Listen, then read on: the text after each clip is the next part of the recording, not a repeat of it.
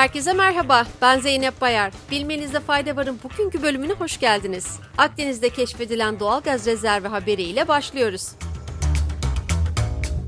Mısır, Akdeniz'deki Nergis sondaj kuyusunda büyük bir doğal gaz rezervi keşfettiğini duyurdu. Petrol ve Madeni Kaynaklar Bakanı Tarık Elmolla, Nergis Bilix'te bulunan gaz rezervinin zor sahasından sonra gelen en önemli keşif olduğunu ifade etti. İtalyan Eni şirketi 2015'te Mısır açıklarındaki Zor bölgesine doğal gaz keşfetmişti. Nergis Bilix'te 3,5 trilyon fit küp gaz rezervi bulunduğu tahmin ediliyor. Bir enerji haberiyle daha devam ediyoruz. Uluslararası Enerji Ajansı'nın yıllık yayımlanan kömür 2022 raporuna göre küresel kömür kullanımı bu yıl geçen yıla göre %1,2 artacak.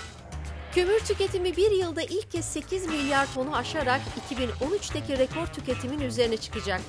Dünyada son yıllarda hızlanan temiz enerji dönüşümüne rağmen kömür kullanımının yüksek doğalgaz fiyatları nedeniyle rekor kırması bekleniyor.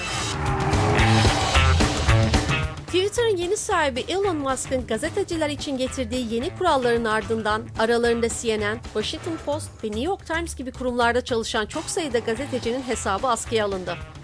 Hesapların askıya alınması hakkında açıklamada bulunan Musk, kendisinin ifade özgürlüğüne destek verdiğini söyleyerek kişisel bilgileri internet üzerinde ifşa ettikleri için hesapların askıya alındığını söyledi. Son haberimiz Danimarka'dan geliyor.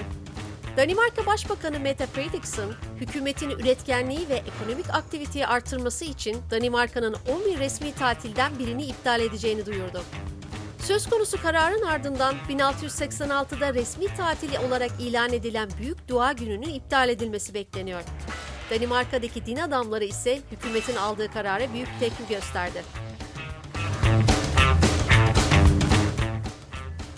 Bugünlük bu kadar. Haftaya görüşmek üzere. Hoşçakalın.